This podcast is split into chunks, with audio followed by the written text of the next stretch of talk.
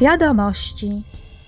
W tym tygodniu Parlament i Rada porozumiały się w sprawie ograniczenia emisji przemysłowych. Nowe przepisy zmniejszą zanieczyszczenie powietrza, wody i gleby.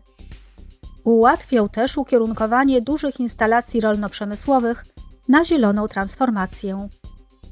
Trzeba będzie ustalić możliwie najsurowsze poziomy emisji, a firmy nieprzestrzegające przepisów mogą otrzymać karę w wysokości co najmniej 3% rocznego obrotu w Unii. Nowe przepisy mają zapewnić obywatelom znaczące korzyści zdrowotne i środowiskowe.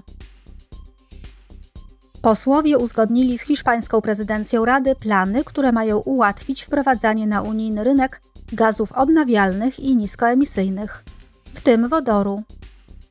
Nowa dyrektywa ma pomóc w dekarbonizacji unijnego sektora energetycznego, a tym samym przeciwdziałać zmianom klimatu.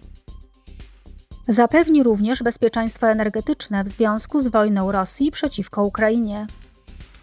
Posłowie zadbali też o ochronę uboższych konsumentów. Jutro obchodzimy Światowy Dzień Walki z AIDS. W tym dniu okażemy wsparcie ludziom żyjącym z HIV i dotkniętym tą chorobą oraz upamiętnimy tych, którzy stracili życie z powodu AIDS.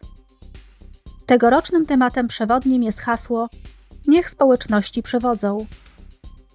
Według Europejskiego Centrum Zapobiegania i Kontroli Chorób w 2022 roku odnotowano więcej diagnoz HIV w porównaniu z rokiem poprzednim.